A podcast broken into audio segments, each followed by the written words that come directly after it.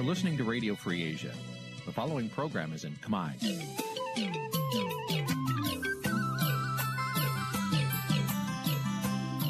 Nǐ chi càm bi tiệp xáy vệt chiu a zì sê ray នេះជាកម្មវិធីផ្សាយរបស់ Vithu Azisari ជាភាសាខ្មែរ វត្តឈូអាស៊ីសេរីសូមស្វាគមន៍លោកអ្នកនាងទាំងអស់ពីរដ្ឋធានី Washington នៃសហរដ្ឋអាមេរិក បាទពីរដ្ឋធានី Washington ខ្ញុំបាទសេកបណ្ឌិតសូមជម្រាបសួរអស់លោកអ្នកនាងកញ្ញាទាំងអស់ជាទីមេត្រី បាទយើងខ្ញុំសូមជូនកម្មវិធីផ្សាយសម្រាប់រាត្រីថ្ងៃសៅរ៍3កើតខែអាសត់ឆ្នាំឆ្លូវត្រីស័កពុទ្ធសករាជ2565ត្រូវនៅថ្ងៃទី9ខែតុលាគ្រិស្តសករាជ2021បាទជាដំបូងនេះសូមអញ្ជើញអស់លោកអ្នកនាងស្ដាប់ព័ត៌មានប្រចាំថ្ងៃដែលមានមេតិការដូចតទៅ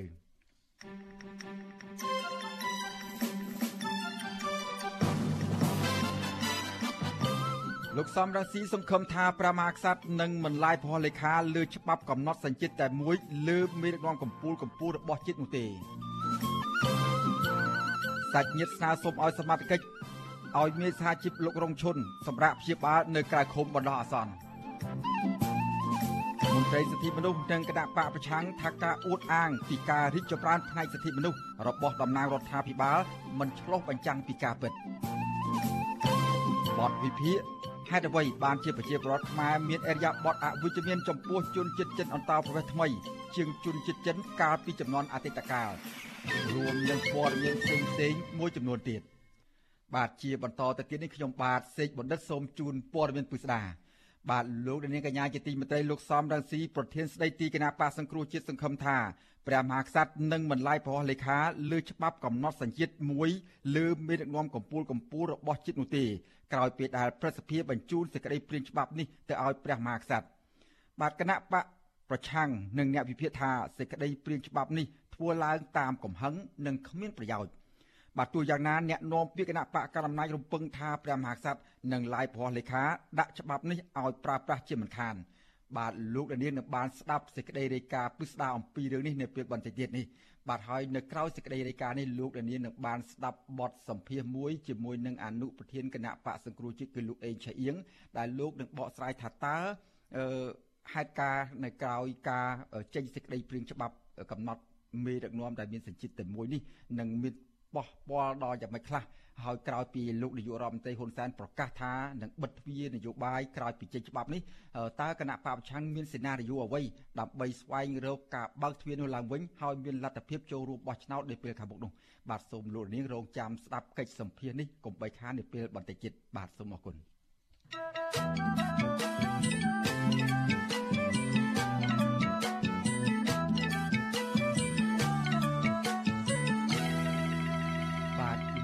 ងកញ្ញាជាទីមេត្រីពាក់ព័ន្ធនឹងស្ថានភាពជំងឺ Covid វិញម្ដង បាទអ្នកជំងឺ Covid 19ចំនួន23អ្នកទៀតបានស្លាប់ដែលធ្វើឲ្យករណីស្លាប់កើនឡើងដល់ជិត2500អ្នកចំណែកករណីឆ្លងថ្មីវិញក្រសួងសុខាភិបាលប្រកាសថាមានជាង200អ្នកដែលជាលទ្ធផលបញ្ជាក់ដោយម៉ាស៊ីនពិសោធន៍ PRC បាទ PCR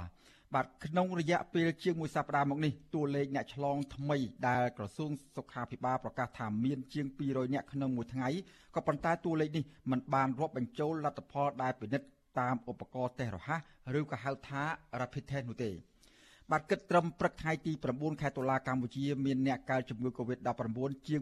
110,000នាក់ក្នុងនោះអ្នកជាសះស្បើយមានប្រមាណជាង100,000នាក់ បាទក្រសួងសុខាភិបាលប្រកាសថាគិតត្រឹមថ្ងៃទី8ខែតុលាម្សិលមិញរដ្ឋាភិបាលបានចាក់វ៉ាក់សាំងជូនដល់ប្រជាពលរដ្ឋដែលមានអាយុដែលគ្រប់អាយុ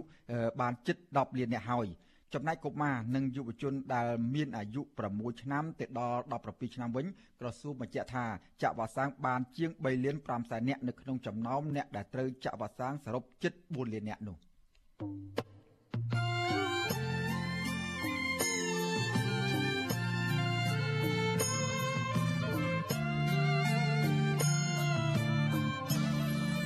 បាទលោកអ្នកនាងកញ្ញាជាទីមេត្រីលោកអ្នកនាងកំពុងតាមដានស្ដាប់ការផ្សាយរបស់វិទ្យុអេស៊ីស្រីពីរដ្ឋធានី Washington សហរដ្ឋអាមេរិកបាទមន្ត្រីអង្គការសង្គមស៊ីវិលយល់ឃើញថាការដែលរដ្ឋាភិបាលបានចាក់វ៉ាក់សាំងបង្ការជំងឺ Covid-19 ជូនដល់ប្រជាពលរដ្ឋបានស្ទើរ100%ហើយនោះ អាចជាមូលដ្ឋានរឹងមាំនៅក្នុងការបើកដំណើរការសេដ្ឋកិច្ចនិងសង្គមឡើងវិញក៏ប៉ុន្តែការលើកឡើងរបស់ក្រមអង្គការសង្គមស៊ីវិលនេះបាទបន្ទាប់ពីលោកនាយករដ្ឋមន្ត្រីហ៊ុនសែនបង្ហាញពីបំណងបើកសេដ្ឋកិច្ចនិងសង្គមឡើងវិញក្នុងរយៈពេលដ៏ខ្លីខាងមុខនេះបាទលោកនាងនឹងបានស្ដាប់សេចក្តីរាយការណ៍ពិស្ដារអំពីរឿងនេះនាពេលបន្តិចទៀត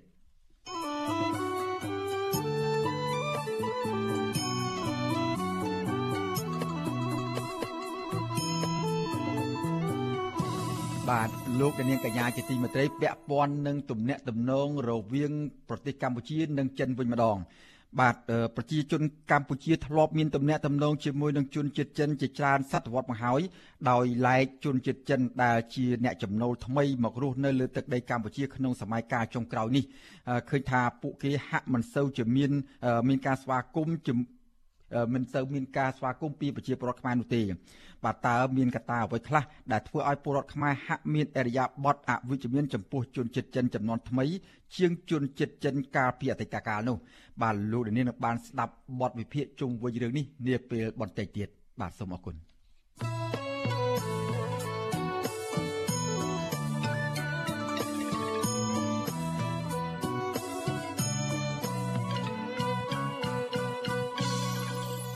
លោកនាងកញ្ញាជាទីមេត្រីមន្ត្រីអង្គការសង្គមស៊ីវិលយល់ឃើញថាការដែលរដ្ឋាភិបាលចាក់វ៉ាក់សាំងបង្ការជំងឺ Covid-19 ជូនដល់ប្រជាពលរដ្ឋបានស្ទើរ100%បែបនេះអាចជាមូលដ្ឋានរឹងមាំនៅក្នុងការបើកដំណើរការសេដ្ឋកិច្ចនិងសង្គមឡើងវិញ បាទការលើកឡើងរបស់អង្គការសង្គមស៊ីវិលនេះគឺបន្ទាប់ពីលោកនាយករដ្ឋមន្ត្រីហ៊ុនសែនបង្ហាញពីបំណងបើកសេដ្ឋកិច្ចនិងសង្គមឡើងវិញក្នុងរយៈពេលដ៏ខ្លីខាងមុខនេះបាទសូមស្ដាប់សេចក្តីរាយការណ៍របស់ជុំវិញរឿងនេះពីអ្នកស្រីម៉ៅសុធីឌីពីរដ្ឋធានី Washington មន្ត្រីសង្គមស៊ីវិលយល់ស្របថាស្ថានភាពនាពេលនេះរដ្ឋាភិបាលអាចបើកដំណើរការសេដ្ឋកិច្ចនិងសង្គមឡើងវិញដើម្បីជួយដោះស្រាយបញ្ហាជីវភាពរបស់ប្រជាពលរដ្ឋដែលកំពុងយ៉ាប់យ៉ឺន ក៏ប៉ុន្តែពួកគេថារដ្ឋាភិបាលត្រូវពិនិត្យនិងឆ្លើយតបឲ្យបានគ្រប់ជ្រុងជ្រោយនៅវិធានការទប់ស្កាត់នៃជំងឺ Covid-19 និងធានា ថាការបើកសកម្មភាពសេដ្ឋកិច្ចនិងសង្គមទាំងនោះនឹងគ្មានហានិភ័យកើតឡើងម្ដងទៀត។ ការប្រធានសមាគមប្រជាធិបតេយ្យឯករាជ្យនៃសេដ្ឋកិច្ចក្រៅប្រព័ន្ធលោកវុនពៅមានប្រសាសន៍ថាអ្នកប្រកបមុខរបរក្រៅប្រព័ន្ធបានបាត់បង់ចំណូលស្ទើរតែទាំងស្រុងដោយសារវិធានការរបស់អាជ្ញាធរបន្តបិទសកម្មភាពការងារនិងដំណើរការមុខរបរឬអាជីវកម្មដើម្បីទប់ស្កាត់ជំងឺ Covid-19 លោកបន្តថាវិស័យនេះត្រូវផ្អាកសកម្មភាពឬឈានដល់ការដួលរំលំអាជីវកម្មជាបន្តបន្ទាប់ដែលធ្វើឲ្យប្រជាប្រដ្ឋជាច្រើនប្រឈមបញ្ហាលំបាកក្នុងជីវភាព និងបំណុលធនាគារឬគ្រឹះស្ថានមីក្រូហិរញ្ញវត្ថុដែលមិនអាចស្ដារឡើងវិញបាន។ ចាលោកវុនពៅបញ្ជាក់ថាអំឡុងការរាលដាលនៃជំងឺ Covid-19 រដ្ឋាភិបាលហាក់មិនសូវយកចិត្តទុកដាក់និងឆ្លើយតបឲ្យបានពេញលេញចំពោះជីវភាព និងសេវាគាំពារសង្គមផ្សេងផ្សេងសម្រាប់អ្នកប្រកបមុខរបរសេដ្ឋកិច្ចក្រៅប្រព័ន្ធនោះឡើយលោកថាករណីជាក់ស្ដែងសមាជិកសមាគមរបស់លោកដែលរងគ្រោះពីវិបត្តិនេះប្រមាណជាជាង10%ប៉ុណ្ណោះដែលបានជំនួយស្បៀងអាហារនិងសាច់ប្រាក់ឧបត្ថម្ភពីរដ្ឋ ចាលោកគ្រប់គ្រងគម្រោងបើកដំណើរការសកម្មភាពសេដ្ឋកិច្ចនិងសង្គមឡើងវិញ។ តកតងបញ្ហានេះទី1រដ្ឋត្រូវតែបង្កើនបន្ថែមការយកចិត្តទុកដាក់ផ្សព្វផ្សាយអំពីការការពារសុវត្ថិភាពអំពី COVID-19 ទី2រដ្ឋត្រូវមានយន្តការសុខាភិបាលច្បាស់លាស់មួយសម្រាប់តំបន់ទេសចរមួយចំនួនធំហើយទី3គឺរដ្ឋត្រូវតែមានការឧបត្ថម្ភធនសម្រាប់អ្នកទាំងឡាយណាដែលគាត់បាត់បង់អាជីវកម្មហើយអាជីវកម្មគាត់ត្រូវបានដួលរលំរៀបចំកញ្ចប់ថវិកាឧបត្ថម្ភធនទៅដល់អាជីវកម្មខ្នាតតូចទាំងអស់ហ្នឹងដើម្បីឲ្យមានដំណើរការល្អឡើងវិញ ជាមួយគ្នានេះដែរប្រធានសហព័ន្ធសហជីពកម្មករចំណីអាហារនិងសេវាកម្មកម្ពុជា អ្នកស្រីអ៊ូទេផលីនថ្លែងថាអ្នកស្រីសោកស្ដាយដែលរដ្ឋាភិបាលបដិកម្មភាពវិស័យសេវាកម្មក្រោមហេតុផលទប់ស្កាត់នៃជំងឺ Covid-19 ប៉ុន្តែរដ្ឋាភិបាលបន្តអនុញ្ញាតឲ្យរោងចក្រកាត់ដេរដែលមានកម្មកររាប់ម៉ឺននាក់ចូលធ្វើការធម្មតាដោយមិនខ្លាចជំងឺទៅវិញ។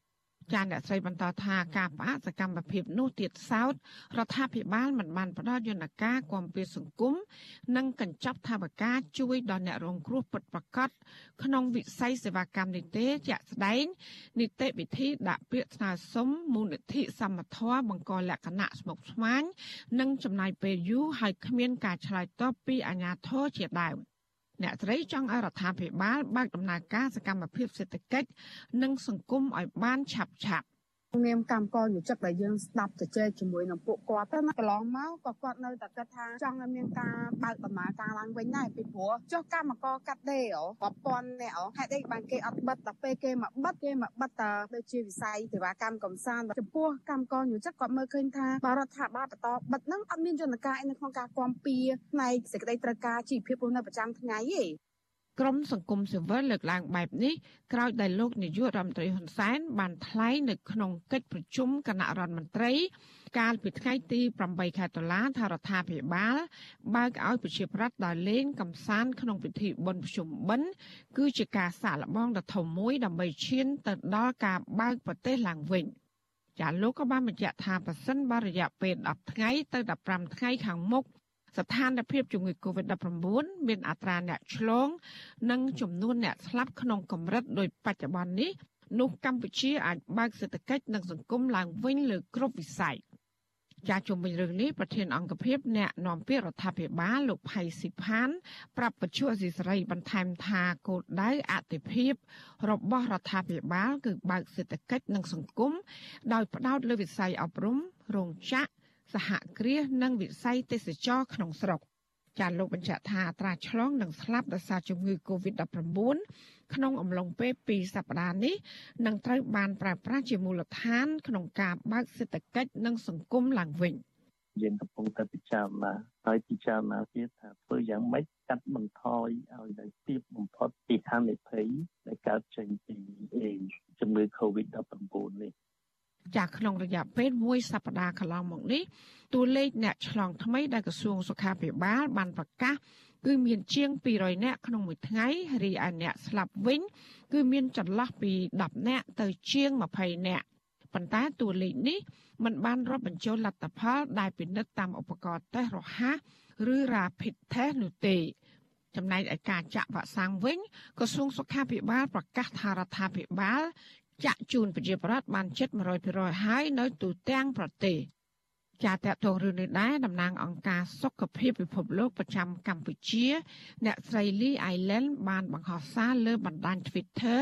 ថាកម្រិតចាក់វ៉ាក់សាំងដ៏ខ្ពស់នៅកម្ពុជានេះបានផ្ដល់មូលដ្ឋានដ៏ល្អមួយសម្រាប់ការបើកដំណើរការសេដ្ឋកិច្ចនិងសង្គមឡើងវិញប្រកបដោយសុវត្ថិភាព និងការទទួលខុសត្រូវ។ ទោះជាយ៉ាងណាអ្នកស្រីសង្កត់ធ្ងន់ថាការចាក់វ៉ាក់សាំងបង្ការជំងឺ Covid-19 តែមួយមុខគឺមិនទាន់គ្រប់គ្រាន់នោះទេពលគឺត្រូវរួមបញ្ចូលគ្នា ជាមួយវិធានការសុខភាពសាធារណៈនិងសង្គមរួមទាំងសមត្ថភាពថែទាំសុខភាពបន្ថែមទៀត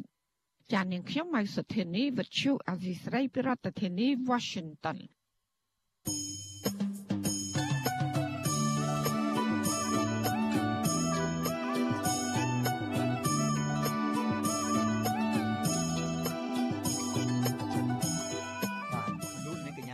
ត្រីលោកនាងកំពុងតាមដានស្ដាប់ការផ្សាយរបស់វិទ្យុអេស៊ីត្រីពីរដ្ឋធានីវ៉ាស៊ីនតោនសហរដ្ឋអាមេរិក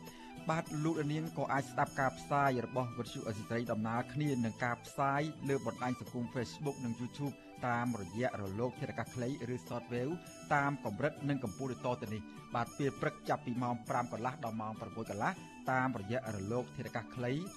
13715 kHz ស្មើនឹងកម្ពស់ 22m បាទនៅពេលយប់ចាប់ពីម៉ោង7កន្លះដល់ម៉ោង8កន្លះតាមរយៈរលកធាតុអាកាសខ្លី9960 kHz ស្មើនឹងកម្ពស់ 30m និង11240 kHz ស្មើនឹងកម្ពស់ 25m បាទសូមអរគុណ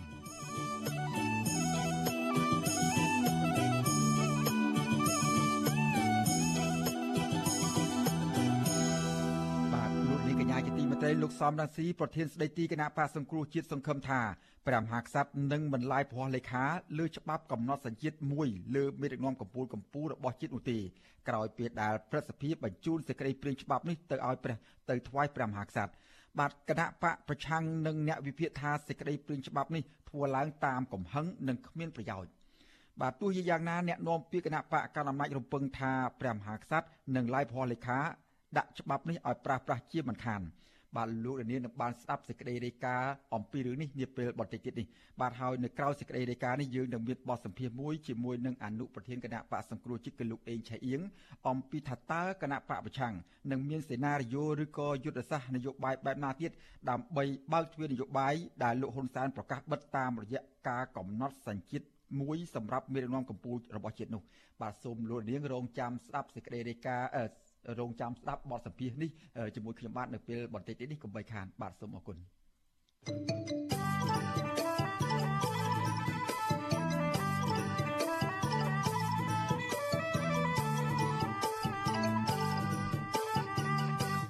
បាទលោកនាងកញ្ញាជាទីមេត្រីសាច់ញាតិមេដឹកនាំសហជីពលោករងឈុនបន្តអំពាវនាវដល់អាជ្ញាធរពុទ្ធនីគាអនុញ្ញាតឲ្យលោកបានសម្រាប់ព្យាបាលត្រឹមត្រូវនៅក្រៅឃុំ បើទោះបីជារបួសវះកាត់ភ្នែកម្ខាងរបស់លោករងឈុនបានជាសះស្បើយជាងពាក់កដាលក៏ហៅក៏ដោយបាទអង្គការសង្គមស៊ីវិលយល់ថាការអនុវត្តច្បាប់មានស្តង់ដារពីររវាងអ្នកជាប់ឃុំជាសកម្មជនសង្គមនិងអ្នកមានលុយមានអំណាចនិងបណ្ដាលឲ្យមានការរិះគន់ជុំវិញរឿងនេះជាមិនខានបាទពីរដ្ឋធានី Washington អ្នកស្រីខែសំណងរាយការណ៍ជុំវិញព័ត៌មាននេះ ស្ថានភាពជំងឺភ្នែករបស់ប្រធានសហភាពសហជីពកម្ពុជានិងជាតំណាងក្រុមប្រឹក្សាឃ្លាំមើលកម្ពុជាលោករងឈុនបានវិវត្តមកភាពល្អប្រសើរគ្រាន់បើឡើងវិញហើយ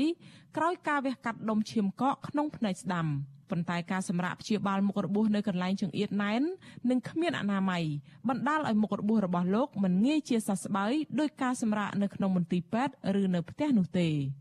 ក្មួយប្រុសរបស់លោករងឈុនគឺលោករងវិជា ប្រាប់ពទ្យុអាស៊ីសេរីនៅថ្ងៃទី9តុលាថាលោកបានជួបសួរសុខទុក្ខពូរបស់លោកនៅក្នុងពន្ធនាគារកាលពីថ្ងៃបុណ្យភ្ជុំបិណ្ឌ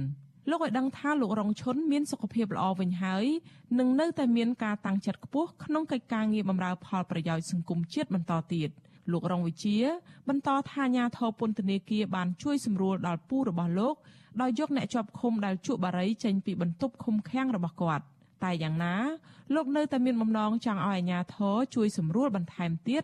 ដោយអនុញ្ញាតឲ្យលោករងឈុនបាននៅក្រៅឃុំដើម្បីឲ្យសាច់ញាតិមានឱកាសថែទាំគាត់ដោយផ្ទាល់វិញ។ ហើយក៏គាត់បានផ្ដាំផ្ញើជូនពរដល់បងប្អូនជនរួមជាតិលោកគ្រូអ្នកគ្រូកម្មករកម្មការតនីក្នុងកំឡុងពេលបុណ្យប្រជុំបិណ្ឌហ្នឹងឲ្យទទួលបានសុខភាពល្អសុខសប្បាយទាំងអស់គ្នាហើយគាត់ជាក់ដែរនៅពេលដែលពេលវេលាមកដល់ពេលវេលាដែលសមរម្យគាត់នឹងបានមានឱកាសបម្រើជាតិសាសន៍ខ្មែរយើងបន្តទៅទៀតលោករងឈុនបានវះកាត់ដុំឈាមកកក្នុងភ្នែកស្ដាំកាលពីថ្ងៃទី15ខែកញ្ញានៅមន្ទីរពេទ្យមិត្តភាពខ្មែរសូវៀតឬប៉េរុស៊ីតាមការជំរុញពីក្រុមគ្រួសារនិងមិត្តភ័ក្តិរួមការងារប៉ុន្តែបន្ទាប់ពីវះកាត់នោះសមត្ថកិច្ចនិងគ្រូពេទ្យមិនបានផ្ដល់ឱកាសឲ្យសកម្មជនសង្គមរូបនេះអាចសម្រាកព្យាបាលនៅក្នុងមន្ទីរពេទ្យរយៈពេលយូរទេ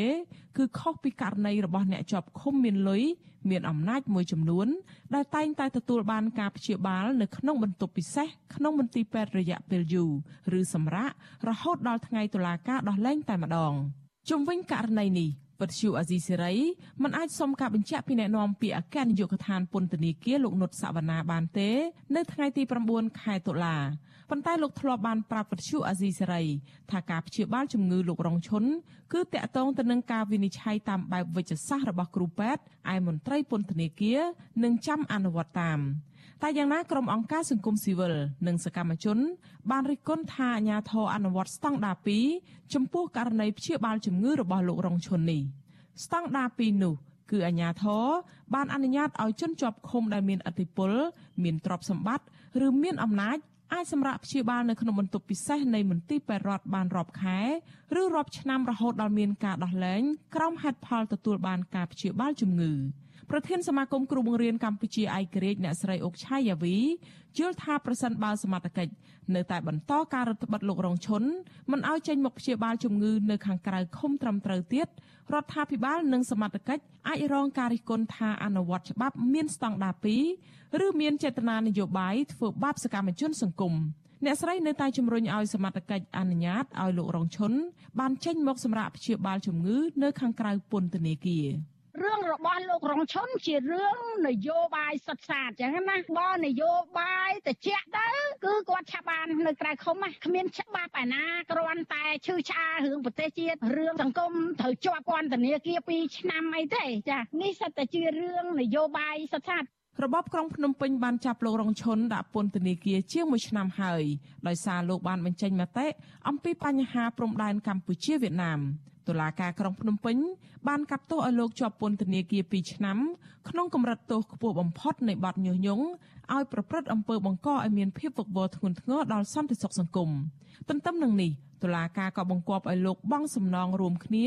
ជាមួយសកម្មជន2នាក់ទៀតចំនួន1សែនដុល្លារដល់គណៈកម្មាធិការចម្រុះកិច្ចការព្រំដែន សហគមន៍ជាតិនិងអន្តរជាតិបានថ្កោលទោសសាលក្រមនេះថាអយុត្តិធម៌និងជាការដាក់ទោសទណ្ឌទៅលើសេរីភាពបញ្ចេញមតិចានាងខ្ញុំខែសុណងវិទ្យុអាស៊ីសេរីរាយការណ៍ពីរដ្ឋធានី Washington បាទលោកនាងកញ្ញាជាទីមេត្រីលោកនាងកំពុងតាមដានស្ដាប់ការផ្សាយរបស់វិទ្យុអេស៊ីសេរីពីរដ្ឋធានីវ៉ាស៊ីនតោនសហរដ្ឋអាមេរិកឥឡូវនេះយើងក៏លេចបំមើលបញ្ហានយោបាយនៅក្នុងប្រទេសកម្ពុជាវិញគឺបញ្ហារវាងគណៈបកកណ្ដាលអំណាចនិងគណៈបកប្រឆាំងបាទលោកសំរងស៊ីប្រធានស្ដីទីគណៈបកសង្គ្រោះជាតិសង្ឃឹមថាព្រះមហាក្សត្រនឹងមិនឡាយភ័ស្តុលេខាលើច្បាប់កំណត់សញ្ជាតិមួយលើមានដឹកនាំកម្ពុជាកម្ពុជារបស់ជាតិនោះទេក្រោយពេលដែលប្រសិទ្ធភាពបញ្ជូនសេចក្តីព្រាងច្បាប់នេះទៅថ្វាយព្រះមហាក្សត្រ បាទគណៈបកប្រឆាំងនិងអ្នកវិភាគថាសេចក្តីព្រាងច្បាប់នេះធ្វើឡើងតាមកំហឹងនិងគ្មានប្រយោជន៍បាទទោះយ៉ាងណាទោះជាយ៉ាងណាអ្នកដឹកអ្នកនាំពាក្យគណៈបកកណ្ដាលអំណាចរំពឹងថាព្រះមហាក្សត្រនឹងឡាយផលលេខាដាក់ច្បាប់នេះឲ្យប្រើប្រាស់ជាមិនខាន បាទពីរដ្ឋធានី Washington លោកជាតិចំណានរាយការណ៍ជុំវិញព័ត៌មាននេះលោកសំរងស៊ីនិយាយក្នុងវេទិកាសម្លេងសង្គ្រោះជាតិដែលផ្សាយផ្ទាល់តាមបណ្ដាញសង្គម Facebook ថាព្រះមហាក្សត្រព្រះបាទនរោត្តមសីហមុនីនឹងមិនបណ្ដោយឲ្យលោកហ៊ុនសែន ធ្វើច្បាប់គៀបសង្កត់អ្នកស្នេហាជាតិនោះទេការតម្រង់ជារូបលោកពឹកគ្រោះយោបល់ជាមួយព្រះមហាក្សត្រសពថ្ងៃស្រាប់តែព្រះមហាក្សត្រសពថ្ងៃផ្ដល់យោបល់ទៅហ៊ុនសែនវិញថាអត់បានទេបើធ្វើច្បាប់បែបនេះខ្ញុំអត់មិនអាចនៅគង់ជាព្រះមហាក្សត្របានទៀតទេពីព្រោះខ្ញុំមានសញ្ជាតិ3មើលហាមឃាត់ មិនឲ្យសំរងស៊ីមានសញ្ជាតិ2ធ្វើជាបេក្ខជននាយករដ្ឋមន្ត្រីហើយថ្ងៃក្រោយធ្វើជារដ្ឋមន្ត្រីមែនទែនខ្ញុំមិនសុខអាចគង់ក្នុងឋានៈជាព្រះមហាក្សត្រទេខ្ញុំត្រូវតែដាក់រាជលោកសំរងស៊ីជាមេដឹកនាំបកប្រឆាំងដែលមានសញ្ជាតិបារាំងអះអាងថាបើត្រូវសាច់រឿងលោកនឹងលាលែងសញ្ជាតិបារាំងមុនចូលកាន់តំណែងលោកជំរុញឲ្យលោកហ៊ុនសែនធ្វើច្បាប់ឲ្យមានប្រយោជន៍គឺច្បាប់កំណត់នាយករដ្ឋមន្ត្រីប្រធានព្រឹទ្ធសភា ប្រធានរដ្ឋសភានិងប្រធានក្រុមប្រឹក្សាធម្មនុញ្ញឲ្យចូលនិវត្តន៍ត្រឹមអាយុ70ឆ្នាំនិងច្បាប់មួយទៀតកំណត់អាណត្តិនាយករដ្ឋមន្ត្រីត្រឹម2អាណត្តិខ្ញុំជំរុញឲ្យច្បាប់កំណត់អាយុ70ឆ្នាំឡើងទៅហ្នឹងគឺខ្ញុំអាយុ72ខ្ញុំអត់មានឱកាសឬក៏អត់មានសិទ្ធិអីទៅកាន់តំណែងអីទេដូច្នេះកុំឲ្យលោកហ៊ុនសែនខ្វល់អញ្ចឹងបានខ្ញុំនិយាយថាមើលត្រូវសាច់រឿងណាខ្ញុំក៏ធ្វើធ្វើអីក៏ខ្ញុំធ្វើដែរឲ្យតែជាតិយើងរីកចម្រើន ប្រតិកម្មរបស់លោកសំរងស៊ីនេះក្រោយពេលដែលទីស្តីការគណៈរដ្ឋមន្ត្រីរបស់លោកហ៊ុនសែនបានអនុម័តសេចក្តីព្រាងច្បាប់កែប្រែរដ្ឋធម្មនុញ្ញកំណត់សញ្ជាតិមេដឹកនាំកម្ពុជាខ្មែរឲ្យមានសញ្ជាតិតែមួយរដ្ឋាភិបាលលោកហ៊ុនសែនថាការកែប្រែរដ្ឋធម្មនុញ្ញនេះចាំបាច់ដើម្បីឲ្យមេដឹកនាំស្មោះត្រង់នឹងជាតិនិងកុំឲ្យបរទេសជាតិជាកិច្ចការផ្ទៃក្នុងរបស់កម្ពុជាទោះជាយ៉ាងណាគណៈបកប្រឆាំងនិងគណៈបកមួយចំនួនទៀតរួមទាំងអ្នកវិភាគផងថាសេចក្តីព្រាងច្បាប់នេះមិនទាន់ចាំបាច់ នៅពេលដែលកម្ពុជាកំពុងមានវិបត្តិនយោបាយហើយបកកណ្ដាលអំណាចកំពុងគ្រប់គ្រងរដ្ឋសភាតែម្នាក់ឯងតាមគម្រោងទីស្តីការគណៈរដ្ឋមន្ត្រីនឹងបញ្ជូនសេចក្តីព្រាងច្បាប់នេះទៅរដ្ឋសភាដើម្បីពិនិត្យបន្តគណៈបកកែតម្រង់កម្ពុជា របស់ក្រុមលោកប៉ុលហំនិងលោកអ៊ូចាន់រតក៏បានចេញសេចក្តីថ្លែងការណ៍ស្នើទៅរដ្ឋាភិបាលឲ្យពិចារណាឡើងវិញចំពោះគម្រោងវិសោធនកម្មរដ្ឋធម្មនុញ្ញនេះគណៈបកនេះយល់ថានេះជាការដកហូតសិទ្ធិពលរដ្ឋដែលមានសញ្ជាតិលើសពីមួយ និងជាការរើសអើងផ្នែកនយោបាយរវាងខ្មែរគ្នាឯងនឹងផ្ដល់ផលអវិជ្ជមានដល់ការរួមចំណែកផ្នែកនយោបាយនិងការអភិវឌ្ឍប្រទេសជាតិពីពលរដ្ឋខ្មែរក្នុងស្រុកនិងក្រៅស្រុកទោះជាយ៉ាងណាអ្នកនាំពាក្យគណៈបកប្រជាជនកម្ពុជាលោកសុកអេសាននិយាយថាតាមនីតិវិធីសេចក្តីព្រាងច្បាប់នេះនឹងអាចទៅដល់ដៃរដ្ឋសភានៅដើមសប្តាហ៍ក្រោយអ្នកនាំពាក្យដដែលនិយាយថាមតិរិះគន់នានាទៅលើការធ្វើវិសោធនកម្មច្បាប់នេះ ជាមតិភាគតិចនៅមានចរិតនយោបាយដូច្នេះมันអាចរារាំងឬរាំងខ្ទប់ផែនការធ្វើច្បាប់នេះបានឡើយចំពោះការលើកឡើងរបស់លោកសំរងស៊ីថាព្រះមហាក្សត្រធ្លាប់បដិសេធសំណើលោកហ៊ុនសែនក្នុងការធ្វើច្បាប់នេះលោកសុកអេសានថានេះជាការប្រឌិតរបស់លោកសំរងស៊ីទោះជាយ៉ាងណាលោកទទួលស្គាល់ថាគំនិតកែប្រែច្បាប់នេះមិនមែនទៅតែកើតឡើងក្នុងពេលនេះទេ គឺមានយូរមកហើយ អានេះគ្រាន់តែជាសម្ដីតដិតសំរងស៊ីយើងមិនអាចយកជាការបានទេពីព្រោះនឹងមនុស្សនឹងមានប្រវត្តិភូតភោកុហកច្រើនណាស់បណ្ឌិតរឿងថ្មីថ្មីច្រើនណាស់បាទខ្ញុំយល់ថាសេចក្តីព្រៀងច្បាប់ហើយក៏ដូចជា វិសោធនកម្មរដ្ឋធម្មនុញ្ញនេះគឺប្រកាសជានឹងត្រូវបានព្រះមហាក្សត្រទ្រង់បរិជ្ជទាននៅព្រះហស្ថលេខាឬបរិជ្ជក្រមបកាលប្រើប្រាស់ជាមិនខានទេហើយបកូលណាលោកគោរពណាលោកទ្រង់គោរពនៅរដ្ឋធម្មនុញ្ញគោរពពុទ្ធវិរិយទូនទីរបស់ព្រះអង្គវិសុអសិសរីមិនអាចសុំការថាធិប្បាយពីដំណើររឿងនេះពីអគ្គលេខាធិការដ្ឋានរដ្ឋសភាលោកលេងពេញឡុងបានទេនៅថ្ងៃទី9ខែតុលា តាក់ទងការធ្វើវិសោធនកម្មរដ្ឋធម្មនុញ្ញកំណត់សញ្ជាតិតែមួយសម្រាប់អ្នកនយោបាយកម្ពុជាកម្ពុជានេះដែរក្រុមបណ្ឌិតដែលខ្លំមើលបញ្ហានយោបាយបានពិភាក្សាគ្នាតាមបណ្ដាញប្រព័ន្ធ Zoom នៅថ្ងៃទី9ខែតុលាក្រុមបណ្ឌិតទាំងនោះលើកឡើងស្តៀងស្តៀងគ្នាថាការប្រញាប់ធ្វើច្បាប់នេះគឺសម្ដៅចង់ផ្ដាច់ផ្លូវលោកសំរងស៊ីជាជាងការធ្វើច្បាប់ដើម្បីប្រយោជន៍ជាតិលោកបណ្ឌិតឡៅម៉ុងហៃលើកឡើងនៅក្នុងការជជែកគ្នានោះថាលោកបានមើលរដ្ឋធម្មនុញ្ញនិងវិភាគជាច្រើនដងច្រើនសាររួចមកហើយ ហើយលោកបារម្ភពីការកែប្រែច្បាប់រដ្ឋធម្មនុញ្ញនៅពេលនេះបណ្ឌិតឡៅម៉ុងហៃរិះគន់ទៀតថាការគ្រប់គ្រងនានាដែលបង្ហោះតាមបណ្ដាញសង្គមរាល់ថ្ងៃជាសេចក្តីគ្រប់គ្រងសពនិមិត្តមានត្រឹមតែសម្បកក្រៅនិងមិនទំនងអ្វីនោះទេច្បាប់នេះមិនមែនជាសេចក្តីតែងឆន្ទៈរបស់ប្រជាជាតិទេគឺជាច្បាប់ដែលទំតែងនៅទូស័កណាដែលខឹងស្អប់បាទរបស់ដែលបុគ្គលម្នាក់ក៏ថាបានដែរបាទហើយគឺសូមបញ្ជាក់ថែមទៀត បណ្ឌិតឡៅម៉ុងហៃលើកឡើងទៀតថាដើម្បីបញ្ជាការជាតិជ្រែកបរទេសរដ្ឋាភិបាលត្រូវបំពេញកាតព្វកិច្ចរបស់ប្រទេសកម្ពុជាដោយមានកំណត់ក្នុងកិច្ចព្រមព្រៀងសន្តិភាពទីក្រុងប៉ារីសឆ្នាំ1991លោកបន្តថាស្ថាប័នរដ្ឋទាំងអស់រួមមានទាំងព្រះមហាក្សត្រក្រមប្រឹក្សារដ្ឋសភាប្រសិទ្ធិតុលាការផងត្រូវបំពេញទូនាទីករណីកិច្ចនិងកាតព្វកិច្ចរៀងៗខ្លួនដូចមានចែងក្នុងរដ្ឋធម្មនុញ្ញទាំងសច្ចាប្រណិធានដូចមាននៅក្នុងរដ្ឋធម្មនុញ្ញនេះផង ខ្ញុំបាទជាចំណាន Visual Society ពីរដ្ឋធានី Washington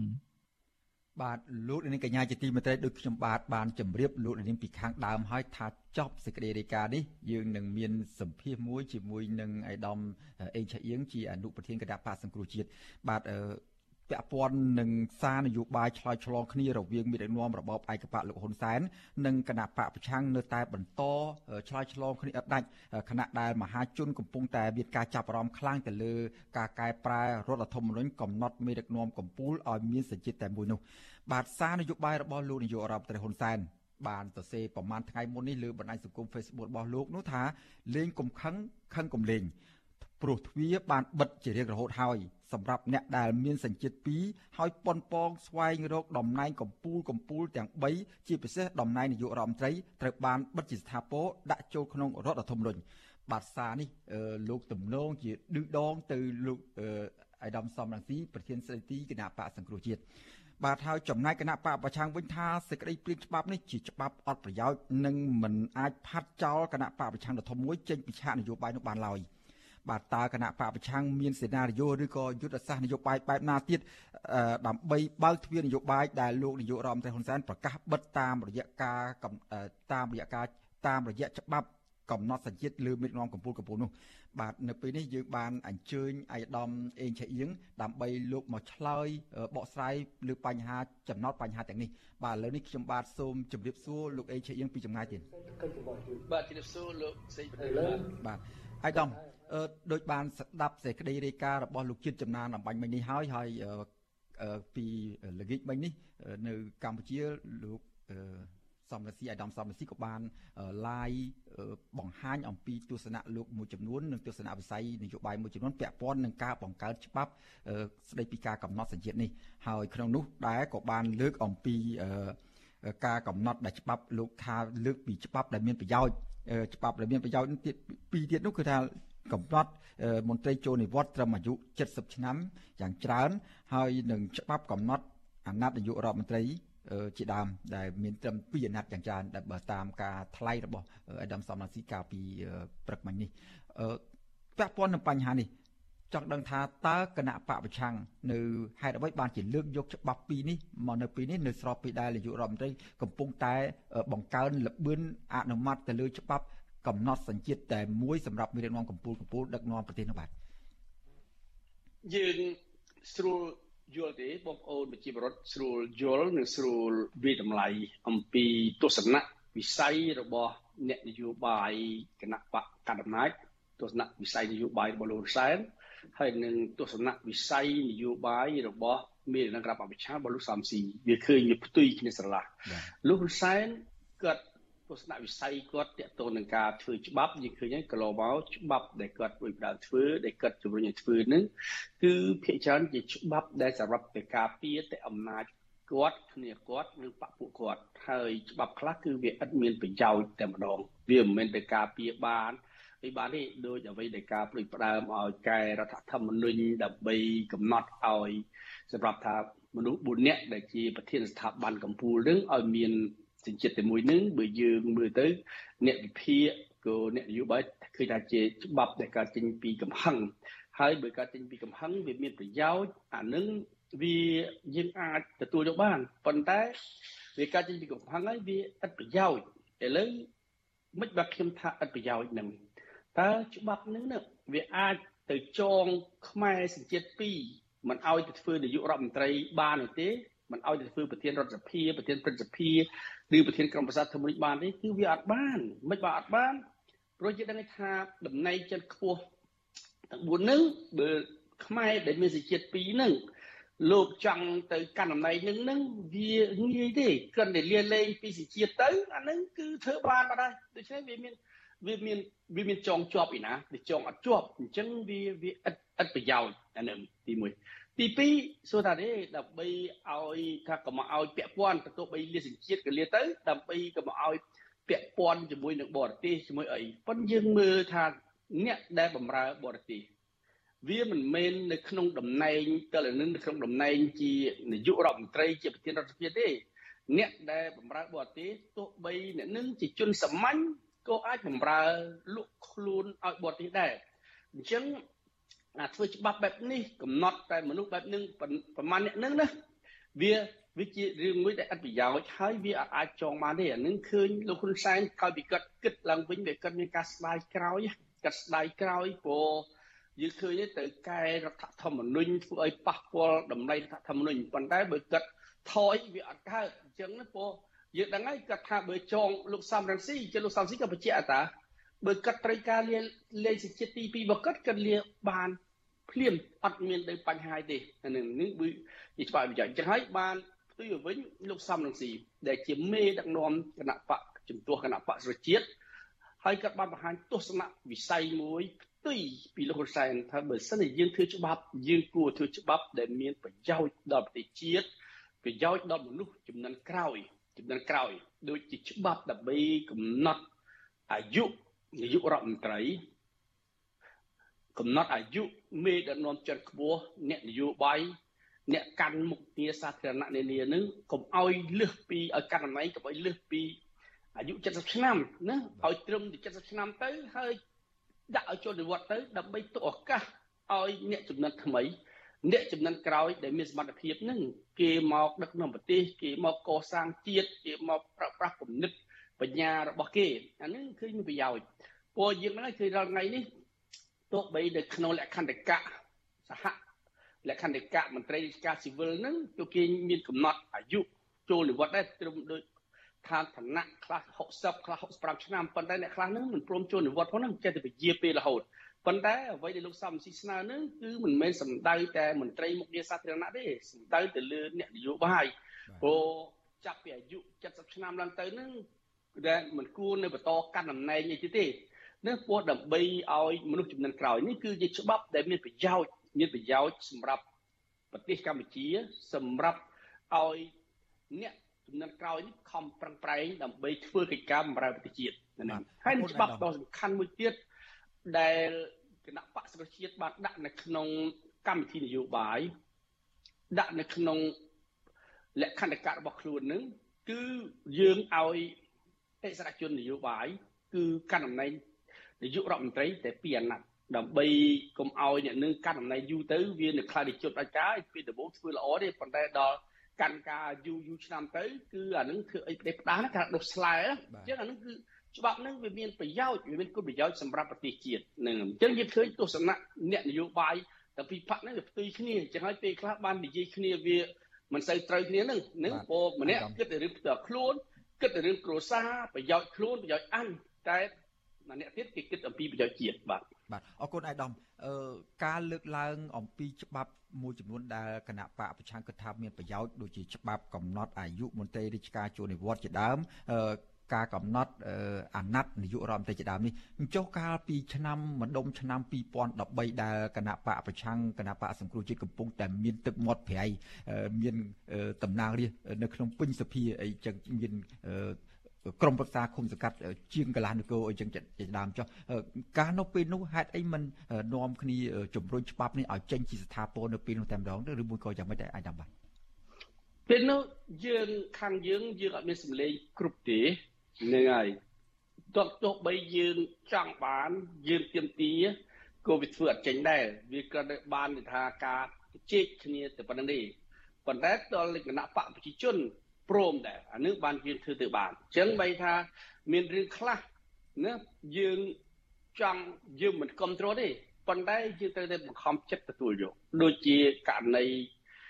សមាជិកគណៈកម្មការជាតិចង់កាប់បោះឆ្នោតដែលពេលយើងទៅជែកធ្វើច្បាប់ ច្បាប់បោះឆ្នោតជ្រើសតាំងតំណាងរាស្ត្រនឹងគឺពេលដំបូងនឹងលោកហ៊ុនសែនក៏គ្រប់គ្រងបេក្ខភាពអ្នកស្រីពងជីកិច្ចឲ្យធ្វើជាបេក្ខភាពឯករាជ្យនៅនៅក្នុងសមាជិកទី9របស់គណៈកម្មការជាតិចង់ការបោះឆ្នោតហើយគណៈបក្សជាតិក៏គ្រប់គ្រងដែរប៉ុន្តែក្រោយមកនឹងប្រហែលជាលោកហ៊ុនសែនក៏ដេកគិតគេថាអូអត់ស្រួលទេមិនគិតមិនអាចប្រកបវិជាអ្នកស្រីពងជីកិច្ចបានទេ ពេលនោះឯងគាត់រកវិធីដើម្បីកុំឲ្យអ្នកស្រីពងជីកិច្ចនឹងមកអាចទទួលតំណែងឲ្យអ្នកស្រីពងជីកិច្ចជ្រើសរើសបើកាលណាគាត់ចង់មកទទួលតំណែងជាសមាជិកកោជបទៅលេលេលេសេចជាតិមួយអញ្ចឹងបានគាត់បង្ខំឲ្យច្បាប់គណៈច្បាប់បោះឆ្នោតជឿតាមបណ្ដារាជនឹងត្រូវតែចែងថាសមាជិកគណៈកម្មការជាតិដែលចង់ការបោះឆ្នោតទាំងអស់នឹង ត្រូវតែមានសញ្ជាតិខ្មែរតែមួយហើយពេលនោះសួរថាចាំមិនយកគណៈបកសង្គ្រោះជាតិទទួលយកគឺយើងទទួលយកទាំងបង្ខំបើយើងមិនទទួលយកទេច្បាប់នឹងវាអត់ចេញគណៈកម្មការជាតិទីចង់ការបោះឆ្នោតវាអត់ត្រូវបានផ្លាស់ប្ដូរវានៅដដែលអានឹងឯងដែលលោកហ៊ុនសែនគាត់តែយកប្រើនឹងអញ្ចឹងយើងត្រូវតែបង្ខំយកយកច្បាប់នឹងទៅប៉ុន្តែសួរថាយើងពេញចិត្តទេអត់ពេញចិត្តទេអានឹងនឹងព្រោះព្រោះអាគំនិតនឹងវាមិនមែនជាគំនិត ទលំទលាយសម្រាប់បំរើផលប្រយោជន៍សង្គមផលប្រយោជន៍សាធារណៈទេអានឹងគឺជាគំនិតដើម្បីបិទទ្វារសម្រាប់មនុស្សម្នាក់ដែលខ្លួនមិនពេញចិត្តអីប៉ុណ្្នឹងទេនឹងការគំនិតធ្វើច្បាប់បែបនេះនឹងគឺជាគំនិតអន់ថយមែនតើណាគំនិតអន់ថយវាឆ្លុះបញ្ចាំងនៅយើងជាមនុស្សដែលគ្មានគិតពីប្រយោជន៍រូបប្រយោជន៍សកលទេ បាទវាខុសពីមេដំណាំនៃប្រទេសគេខ្ញុំចង់បើកវងកញ្ចក់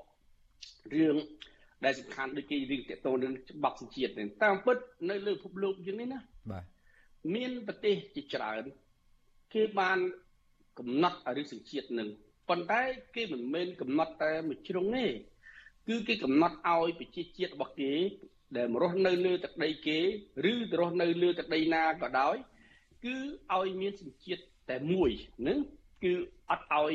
បដូរសញ្ជាតិទេបើអ្នកឯង ទៅបដូរទៅយកសញ្ជាតិមួយទៀតអ្នកឯងត្រូវបោះបង់សញ្ជាតិកំណើតសញ្ជាតិកំណើតអានឹងហើយបើអ្នកឯងចង់មកចូលសញ្ជាតិគេគឺអ្នកឯងត្រូវបោះបង់សញ្ជាតិកំណើតរបស់អ្នកឯងដែរដូចប្រទេសចិនអីជាដើមប្រទេសជប៉ុនប្រទេសឥណ្ឌាជាដើមគឺថាបើអ្នកឯងចង់បានសញ្ជាតិអាមេរិក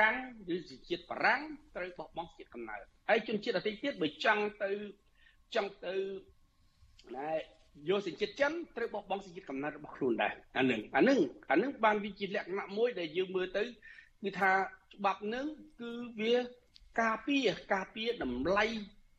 ចិត្តសាសពុយសាសពិតប្រកបមែន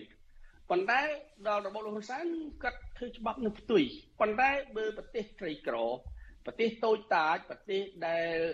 មិនទាន់ខ្លួនឯងមិនទាន់មានភាពរឹងប៉ឹងរឹងមាំហ្នឹង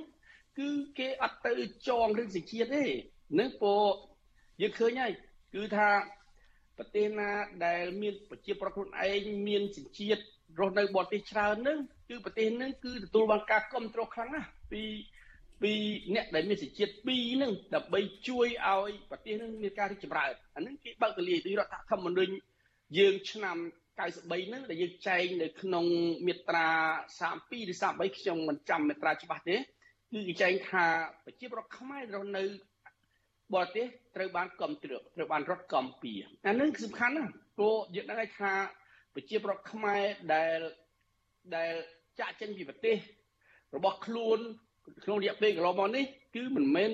ចាក់ចេញមកដោយបង្ខំទេគឺដោយសារគឺដោយដោយស្ម័គ្រចិត្តទេគឺចាក់ចេញដោយបង្ខំដោយសារស្ថានភាពនយោបាយស្ថានភាពសង្គម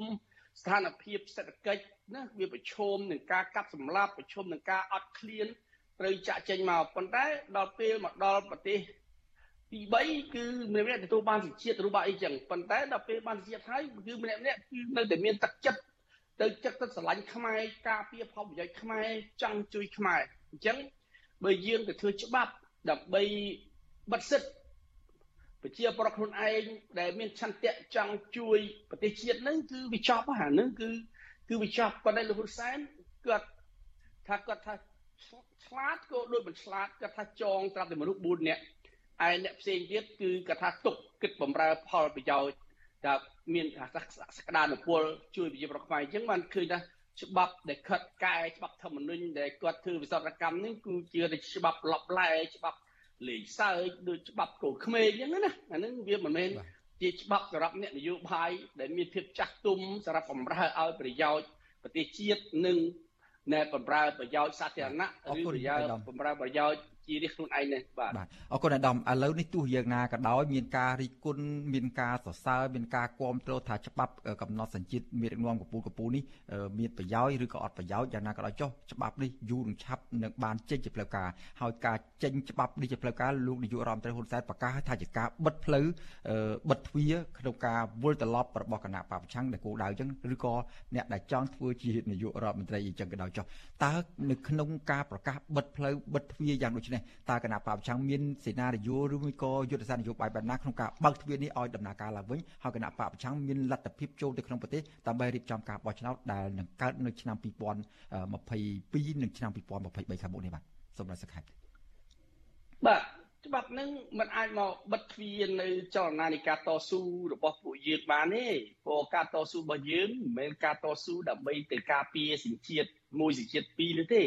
ការតស៊ូរបស់យើងគឺ ដើម្បីឲ្យប្រទេសកម្ពុជា មានប្រជាធិបតេយ្យពិតប្រាកដមានការគោរពសិទ្ធិមនុស្សពិតប្រាកដហើយធានានៃការបោះឆ្នោតមួយ ដោយសេរីត្រឹមត្រូវយុត្តិធម៌បាទជាពិសេសនៃការបោះឆ្នោតនៅពេលខាងមុខនេះនេះគឺជាបំណងរបស់យើងការប្រឹងប្រែងរបស់យើងហើយជំហរនេះគឺយើងអត់មានអីផ្លាស់ប្ដូរទេអញ្ចឹងរឿងលោកហ៊ុនសែនធ្វើច្បាប់ បែបណានឹងគឺវាអត់មានពាក់ព័ន្ធគ្នាតលតែសោះបាទតលតែសោះអានឹងគាត់គាត់ធ្វើដើម្បីធ្វើជាកំហឹងហើយគាត់ដើម្បីធ្វើថាឲ្យប្រជាប្រដ្ឋខ្មែរអស់សង្ឃឹមថាអូធ្វើច្បាប់មិនទៅអ្នកឯងកុំសង្ឃឹមថាលោកសំរងស៊ីប្រប្រជាប្រដ្ឋខ្មែរភិកច្រើនលើលោកគឺចង់ឲ្យលោកសំរងស៊ីទៅរៀបចំប្រទេសក្នុងឋានៈជានាយករដ្ឋមន្ត្រីតែពេលមានឱកាសគឺពួកគាត់នឹងបោះឆ្នោតឲ្យគណៈបក្សប្រជាជាតិ ហើយដើម្បីឲ្យលោកសំស៊ីទៅដឹកនាំប្រទេសប៉ុន្តែលោកសំស៊ីគាត់បានបញ្ជាក់ជាចំហរបស់គាត់ព្រោះហើយគាត់ថាគឺគាត់ត្រូវការលាសញ្ជាតិទីពីរបើគាត់គាត់លាភ្លាមវាអត់ចាំបាច់ទេហើយគឺលោកសំស៊ីគាត់បានបញ្ជាក់ក្នុងនាមគាត់ជាមេដឹកនាំរបស់គណៈបក្សជាតិដែលក្នុងសម្លេងរបស់គាត់គឺជាសម្លេងរបស់គណៈបក្សជាតិគឺគាត់បានបញ្ជាក់ឲ្យថា ការតស៊ូរបស់គាត់ដែលគាត់ដឹកនាំការតស៊ូរាល់ថ្ងៃនេះគឺមិនមែនគាត់ដឹកចង់ទៅកាន់តំណែងជានាយករដ្ឋមន្ត្រីជាប្រធានរដ្ឋសភាប្រធានព្រឹទ្ធសភាទេគឺគាត់តស៊ូដើម្បីឲ្យកម្ពុជាមានការផ្លាស់ប្ដូរមួយពិតប្រាកដនាំប្រទេសកម្ពុជាទៅកាន់វិថីមួយវាថាវិថីប្រជាធិបតេយ្យការគ្រប់សិទ្ធិមនុស្សហើយនឹងមានការអភិវឌ្ឍពិតប្រាកដតែប៉ុណ្្នឹងទេចំពោះរូបគាត់ដោយគាត់បានបញ្ជាក់ជូនហើយបើធ្វើច្បាប់ ឬចំហរបស់គាត់គាត់បានបញ្ជាក់ថាគណៈបកណាក៏ដោយដែលពេលចូលរួមការប្រគល់ប្រជែងដែលគាត់ប្រាប់ប្រជាប្រដ្ឋខ្មែរឲ្យបោះឆ្នោតឲ្យគណៈបកនឹងបើគណៈបកនឹងហ៊ានដាក់នៅក្នុងកម្មវិធីនយោបាយរបស់ខ្លួនអំពីការកំណត់អាយុអាយុរបស់នាយករដ្ឋមន្ត្រីប្រធានរដ្ឋសភាទាំងអស់ឲ្យនៅត្រឹមថា70ឆ្នាំចូលនិវត្តន៍ទៅហើយនឹងកំណត់អាណត្តិនាយករដ្ឋមន្ត្រីអញ្ចឹងឃើញជំហររបស់លោកសំស៊ីមិនមែនផ្ដោតតែមកលើមកលើគណៈបក របស់ខ្លួនទេគឺបានផ្ដោតទៅលើតម្លៃសកលមួយថាបើប្រជាប្រដ្ឋខ្មែរឥឡូវនេះការបោះឆ្នោតខាងមុខមានគណៈបកច្រើនប្រគល់ប្រជែងអញ្ចឹងឲ្យបងប្អូនមើលទៅថាតើគណៈបកណាដែលមានដាក់កម្មវិធីនយោបាយរបស់ខ្លួននឹងក្នុងគំនិតក្នុងការគឺថាពេលខ្លួនឈ្នះឆ្នោតខ្លួននឹងធ្វើច្បាប់ដ៏សំខាន់ពីរហ្នឹងគឺឲ្យប្រជាបោះឆ្នោតឲ្យនេះគឺវាវាជាជាជាឆន្ទៈមួយរបស់យើងបែរថាយើងមិនមែន ថស៊ូមិនមែនប្រឹងប្រែងដើម្បីខ្លួនយើងទេគឺយើងតស៊ូប្រឹងប្រែងដើម្បីប្រទេសជាតិនិងដើម្បីអនាគតនៃមនុស្សចំនួនក្រោយរបស់កម្ពុជាទាំងមូលបាទអអរគុណអឺប៉ុន្តែចង់បានថាក្រៅពីការតស៊ូការនេះមានយុទ្ធសាស្ត្រតស៊ូយ៉ាងម៉េចពិសេសយ៉ាងម៉េចដូចជាការតាក់ទងទៅធ្វើនយោបាយនៅក្រៅប្រទេសតាក់ទងនឹងន យោបាយការទូតឬមួយក៏ធ្វើយុទ្ធសាស្ត្រយ៉ាងម៉េចដើម្បីបានមានកម្លាំងឬមួយក៏មានរហូតដល់មានការចរចាឬក៏បើកទ្វារនយោបាយឡើងវិញសុំដល់ខ្លីចុងក្រោយនេះបាទសម្រាប់នយោបាយការបរទេសគឺខ្ញុំមិនបាច់ជម្រាបជូនទេទាំងអស់គ្នាបានឃើញហើយគឺពួកយើងនៅក្រៅប្រទេសណាយើងបានធ្វើកិច្ចការនៅគ្រប់គ្រប់ប្រទេសទាំងអស់ដែលមានប្រជាប្រដ្ឋខ្មែររស់នៅជាមួយនឹងបណ្ដាប្រទេសជាពិតនានាហើយលទ្ធផល ក៏បបបានឃើញហើយដោយរាល់ថ្ងៃនេះនៅសហរដ្ឋអាមេរិកគឺនយោបាយរបស់សហរដ្ឋអាមេរិកចំពោះកម្ពុជា គឺគេអត់មានទម្លាក់ដៃទេគឺគេទៅតែជំរុញឲ្យរបបលហ៊ុនសែននឹងត្រូវតែបើកទ្វារឲ្យគណៈបកសុជាតិដំណើរការឡើងវិញនៅសហគមន៍អឺរ៉ុបក៏ជាដែរប៉ុន្តែឡែកសម្រាប់យុទ្ធសាស្ត្រ ការតស៊ូនៅក្នុងប្រទេសគឺខ្ញុំសូមមិនធ្វើអធិប្បាយជាសាធារណៈទេព្រោះយើងដឹងហើយបើកាលណាយើងនិយាយជាសាធារណៈរបបលហ៊ុនសែនគាត់ដឹងអំពីផែនការរបស់យើងហើយយើងធ្វើអត់កើតទេអញ្ចឹងអរគុណអៃដាមយើងមានរបៀបធ្វើរបស់យើងបាទអរគុណច្រើនអៃដាមអញ្ចឹងពេលណាដែលអាចប្រាប់បានសូមប្រាប់ផងបាទលោកដែលនឹងកំពុងតែរងចាំស្ដាប់ដោយសារតែពេលវេលាបានដល់ទីបញ្ចប់នៃកិច្ចបទសម្ភាសន៍នេះខ្ញុំបាទសូមគោរពលាអាយដាមតែប៉ុណ្្នេះសិនហើយសង្ឃឹមថាជួបគ្នានៅពេលក្រោយទៀតបាទ បាទអរគុណលោកសេចបណ្ឌិតបាទសូមជម្រាបលាបាទបាទលោកនាងកញ្ញាជាទីមេត្រីលោកនាងកំពុងតាមដានស្ដាប់ការផ្សាយរបស់វិទ្យុអេស៊ីសេរីពីរដ្ឋធានីវ៉ាស៊ីនតោនសហរដ្ឋអាមេរិកបាទពាក់ព័ន្ធនឹងទំនាក់ទំនងរវាងកម្ពុជានិងប្រទេសចិនវិញបាទប្រជាជនកម្ពុជាធ្លាប់មានទំនាក់ទំនងជាមួយនឹងជនជាតិចិនជាច្រើនសតវត្សមកហើយដោយឡែកជនជាតិចិនដែលជាអ្នកចំណូលថ្មីមករស់នៅលើទឹកដីកម្ពុជាក្នុងសម័យអតីតកាលនិងសម័យចុងក្រោយនេះពួកគេហាក់ ពុំសូវជាបានប្រជាពលរដ្ឋខ្មែរជាម្ចាស់ស្រុកសម្ដែងការពេញចិត្តប្រមាណនោះទេ បាទតើមានកត្តាអ្វីខ្លះដែលធ្វើឲ្យប្រជាពលរដ្ឋខ្មែរហាក់មានអេរយាប័តអវិជ្ជមានចំពោះជនជាតិចិនចំនួនថ្មី ជាងចំនួនជនជាតិចិនចំនួនពីអតីតកាលនោះ បាទលោកទីនសាការីយ៉ាមានបទវិភាគមួយជុំវិញបញ្ហានេះជូនលោកនាងពីរដ្ឋធានី Washington ឯកសារប្រវត្តិសាស្ត្រប្រទេសកម្ពុជាអះអាងថា បើទោះបីជាជនជាតិចិនមានទំនាក់ទំនងជាមួយបរតខ្មែរក្នុងវិស័យការទូតនិងពាណិជ្ជកម្មចាប់តាំងពីសតវត្សទី1នៃគ្រិស្តសករាជក្តីប៉ុន្តែជនជាតិចិនដែលមកប្រទេសកម្ពុជានៅពេលនោះមិនបានតាំងទីលំនៅជាអចិន្ត្រៃយ៍នៅលើទឹកដីកម្ពុជានោះទេពួកគេគ្រាន់តែមកបំពេញបេសកកម្មការទូតឬធ្វើជំនួញមួយរយៈពេលខ្លីរួចក៏ធ្វើដំណើរវិលទៅកាន់ប្រទេសចិនវិញរឿងរ៉ាវនៃវត្តមានរបស់ជនជាតិចិននៅកម្ពុជា ត្រូវបានបញ្ជាក់ជាថ្មីនៅចុងសតវត្សទី13នៅពេលដែលបេសកកម្មការទូតនៃអធិរាជចិនលោកជីវតាខ្វាន់ធ្វើដំណើរមកប្រទេសកម្ពុជានៅឆ្នាំ1296ហើយលោកបានកត់ត្រាថាមានវត្តមានជនជាតិចិននៅតំបន់អង្គររួចទៅហើយមុនពេលលោកមកដល់ប្រទេសកម្ពុជានៅពេលនោះជាការពិតណាស់នៅពេលនិយាយអំពីជនជាតិចិនជីវតាខ្វាន់បានរួមចំណែកច្រើនណាស់នៅក្នុងផ្នែកប្រវត្តិសាស្ត្ររបស់ប្រទេសកម្ពុជា កំណត់ហេតុរបស់លោកបានคล้ายជាឯកសារដ៏មានតម្លៃសម្រាប់ការសិក្សាស្រាវជ្រាវអំពីប្រវត្តិសាស្ត្រកម្ពុជា ជាពិសេសអំពីរឿងរ៉ាវនៅសម័យអង្គរដែលជាសម័យកាលដ៏រុងរឿងបំផុតនៃប្រវត្តិសាស្ត្រកម្ពុជាប្រការដែលគេមិនអាចប្រកែកបាននោះកំណត់ហេតុរបស់លោកជីវតាខ្វាន់ត្រូវបានអ្នកប្រវត្តិសាស្ត្រស្ទើរតែទាំងអស់មិនថាអ្នកប្រវត្តិសាស្ត្រខ្មែរឬបរទេសឡើយប្រើប្រាស់ធ្វើជាឯកសារយោងសម្រាប់ការសិក្សាស្រាវជ្រាវអំពីប្រវត្តិសាស្ត្រខ្មែរ ចំពោះនិស្សិតខ្មែរដែលសិក្សាជំនាញប្រវត្តិសាស្ត្រវិញភាគតិចណាស់ដែលថាមិនស្គាល់ឈ្មោះជីវតខ្វាន់ក្នុងរយៈពេលស្នាក់នៅតំបន់អង្គរនៃប្រទេសកម្ពុជាចន្លោះពីឆ្នាំ1296ដល់ឆ្នាំ1297លោកជីវតខ្វាន់បានកត់ត្រានៅរឿងរ៉ាវជាច្រើនអំពីទីក្រុងអង្គរនិងពីប្រទេសកម្ពុជាបើនិយាយពីទំនាក់ទំនងរវាងជនជាតិខ្មែរនិងចិននៅពេលនោះជីវតខ្វាន់ថាបរិសុជនជាតិចិននៅពេលនោះក៏បានរៀបការជាមួយស្ត្រីខ្មែរដែរ ភស្តុតាងផ្សេងទៀតដែលអាចបញ្ជាក់ថាបរតខ្មែរមានទំនាក់ទំនងជាមួយជនជាតិចិនតាំងពីយូរលង់ណាស់មកហើយគឺរូបចម្លាក់នៃជនជាតិចិននៅលើប្រាង្គប្រាសាទរបស់ខ្មែរតួយ៉ាងដូចជាប្រាសាទបាយ័នដែលត្រូវបានកសាងប្រហែលជា100ឆ្នាំមុនការមកដល់ក្រុងអង្គររបស់លោកជីវតាក្វាន់បើនិយាយមកដល់សម័យក្រោយៗមកទៀតពលគឺចាប់ពីសតវត្សទី17គេនៅតែបន្តឃើញមានវត្តមានជនជាតិចិននៅតាមតំបន់ផ្សេងផ្សេងទៀតនៃប្រទេសកម្ពុជា ក្នុងនោះក៏មាននៅរាជធានីភ្នំពេញខេត្តតាកែវកំពតនិងដែនដីកម្ពុជាក្រោមដែលកាលនោះស្ថិតនៅក្រោមការគ្រប់គ្រងរបស់កម្ពុជានៅឡើយឯកសារប្រវត្តិសាស្ត្រអះអាងថាជនអន្តោប្រវេសន៍ជនជាតិចិនទាំងនេះបានរៀបការជាមួយជនជាតិខ្មែរហើយពួកគេបានធ្វើសមាហរណកម្មយ៉ាងឆាប់រហ័សចូលទៅក្នុងសង្គមខ្មែរនិងទទួលយកការរស់នៅតាមរបៀបរបបខ្មែរបុរាណចាប់តាំងពីពេលនោះមកវត្តមាននៃជនជាតិចិន ជាពិសេសអ្នកជាប់ខ្សែស្រឡាយចិននៅលើទឹកដីកម្ពុជាមានកាន់តែច្រើនឡើងច្រើនឡើងគិតមកដល់ទសវត្សរ៍ឆ្នាំ1560និងដើមទសវត្សរ៍ឆ្នាំ1570ប្រជាពលរដ្ឋចិនបានក្លាយជាជនជាតិភាគតិចដែលមានចំនួនច្រើនជាងគេបង្អស់នៅក្នុងប្រទេសកម្ពុជា គឺមានប្រមាណជា43ម៉ឺននាក់ក៏ប៉ុន្តែចំនួននេះបានធ្លាក់ចុះមកនៅត្រឹមតែជាង60000នាក់ប៉ុណ្ណោះនៅពាក់កណ្ដាលទសវត្សរ៍ឆ្នាំ1980អ្នកសិក្សាមើលឃើញថា ការធ្លាក់ចុះនេះអាចមានមូលហេតុសំខាន់ពីរដែលធ្វើឲ្យចំនួនជនជាតិចិននៅកម្ពុជាធ្លាក់ចុះយ៉ាងគំហុកតែក្នុងរយៈពេលប្រមាណជា10ឆ្នាំគឺដោយសារតែការបាត់បង់ជីវិតនៅក្នុងសម័យប្រល័យពូជសាសន៍ខ្មែរក្រហម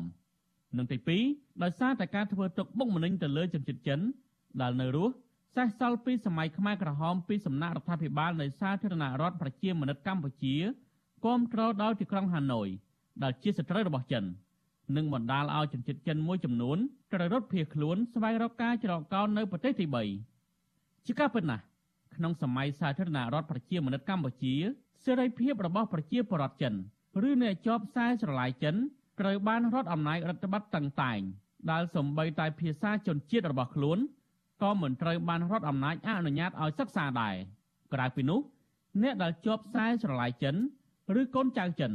ត្រូវបានរបបសាធារណរដ្ឋប្រជាមានិតរបស់លោកហ៊ុនសែនហេងសំរិនចំនួននោះបែងចែកជាក្រុមដោយឡែកខុសពីប្រជាជនដទៃគេចុះស្ថិតិអ្នកដែលមានសម្បុរសផ្នែកតឹងនៅក្នុងបញ្ជីមួយដែលគេឲ្យឈ្មោះថាស្ថិតិ351អ្នកមានឈ្មោះក្នុងស្ថិតិ351នេះត្រូវបានគេរើសអើងមិនមានសិទ្ធិពេញលេញដោយគេឯងនោះឡើយផ្អែកលើកំណត់ត្រាប្រវត្តិសាស្ត្រគេប្រហែលជាអាចបែងចែកប្រជាពលរដ្ឋចិននៅកម្ពុជាជា3ប្រភេទគឺទី1 ពលរដ្ឋខ្មែរដែលមានដើមកំណត់ចិនទី2ពលរដ្ឋចិនកាត់ខ្មែរឬខ្មែរកាត់ចិននិងទី3ជនជាតិចិនចំណូលថ្មីដែលមិនសូវដឹងពីវប្បធម៌ប្រពៃណីទំនៀមទម្លាប់ខ្មែរនិងកំពុងតែបង្កបញ្ហាជាច្រើននៅក្នុងសង្គមខ្មែរបច្ចុប្បន្នចំនួននៃក្រុមជនជាតិចិនចំណូលថ្មីនេះបានកើនឡើងយ៉ាងគំហុកនៅកម្ពុជារយៈពេលប្រមាណជា20ឆ្នាំចុងក្រោយនេះក្នុងពេលដែលទំនាក់ទំនងរវាងរបបលហ៊ុនសែននិងក្រុមបកកុម្មុយនីសចិនកាន់តែមានភាពរឹងមាំក្នុងចំណោមពួកគេ ក្រៅតែពីជាអ្នកជំនួញនិងវិនិយោគិនដែលខ្លះមិនសូវមានការទទួលខុសត្រូវនិងគោរពសិទ្ធិមនុស្សក៏មានអ្នកប្រព្រឹត្តលបែងស៊ីសងអំពើចារកម្មចាប់ចម្រិតពេទ្យាចារជួញដូរគ្រឿងញៀនក្រុមបងតូចបងធំ ប្រព្រឹត្តបទអក្រិតនិងបង្កអំពើហិង្សានៅក្នុងសង្គមខ្មែរហើយបរដ្ឋខ្មែរភៀសច្រើនមិនសប្បាយចិត្តឡើយចំពោះវត្តមាននៃក្រុមជនជាតិចិនចុងក្រោយនេះ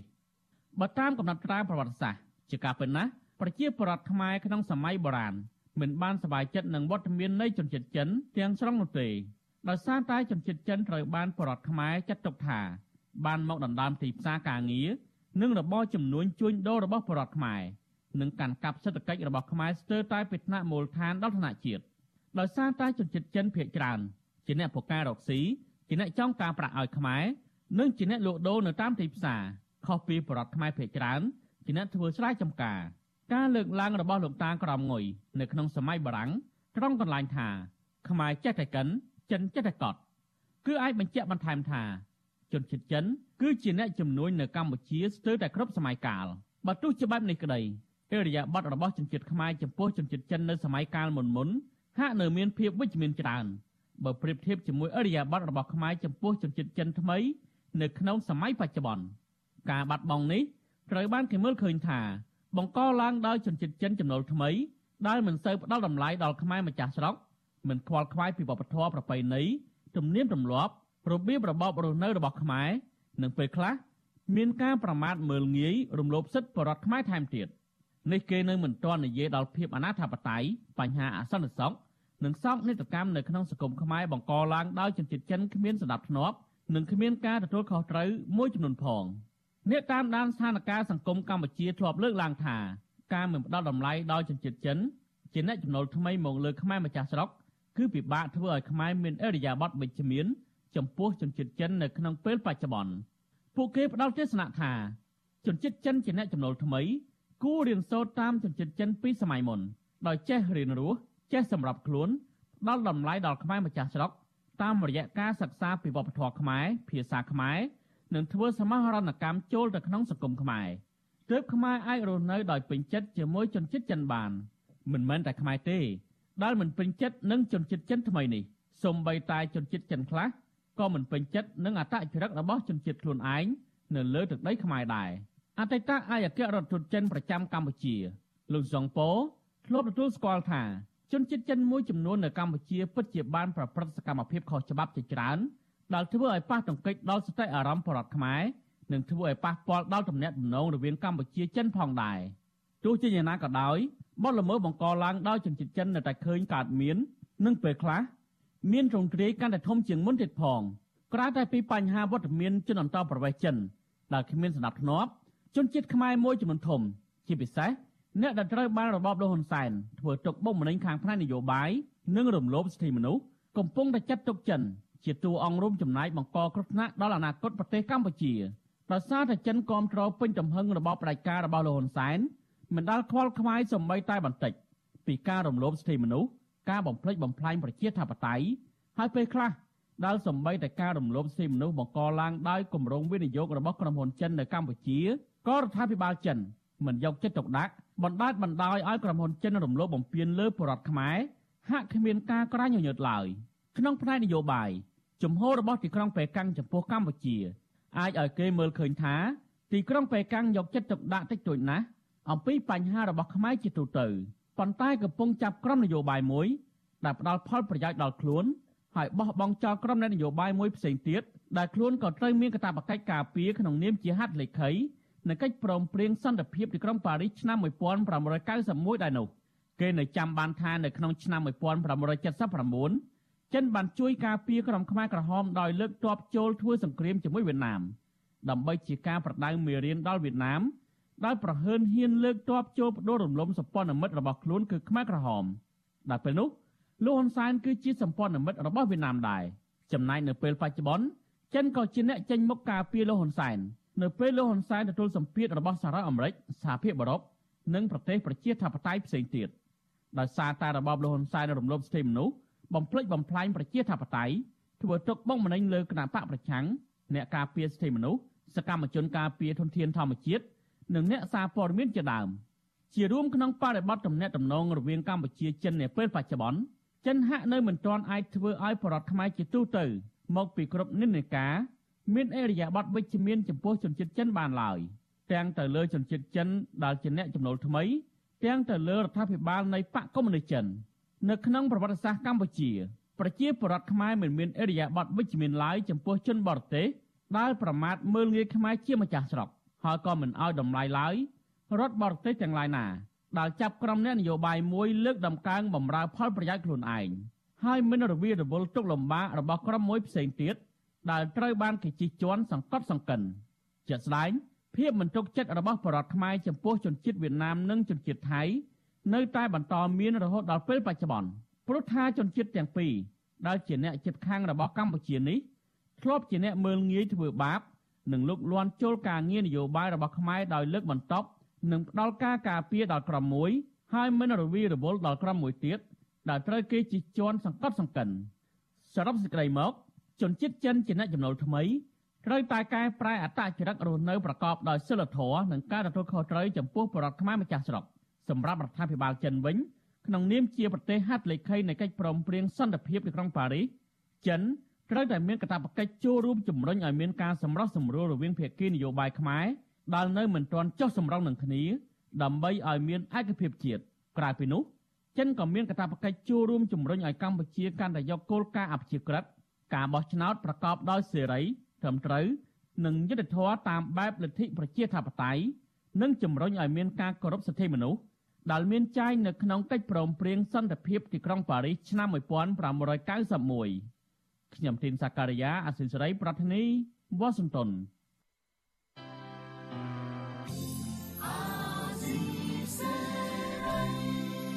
បាទ លោកនាងកញ្ញាជាទីមេត្រីលោកនាងកំពុងតាមដានស្ដាប់ការផ្សាយរបស់វិទ្យុអស៊ីសេរីពីរដ្ឋធានីវ៉ាស៊ីនតោនសហរដ្ឋអាមេរិកបាទការផ្សាយរបស់យើងនៅក្នុងរាត្រីថ្ងៃសៅរ៍នេះបានចូលដល់ទីបញ្ចប់ហើយខ្ញុំបាទសូមថ្លែងអំណរគុណយ៉ាងជ្រាលជ្រៅចំពោះអស់លោកនាងដែលបានតាមដានស្ដាប់ការផ្សាយរបស់យើងខ្ញុំហើយសូមជូនពរឲ្យលោកនាងជួបតែ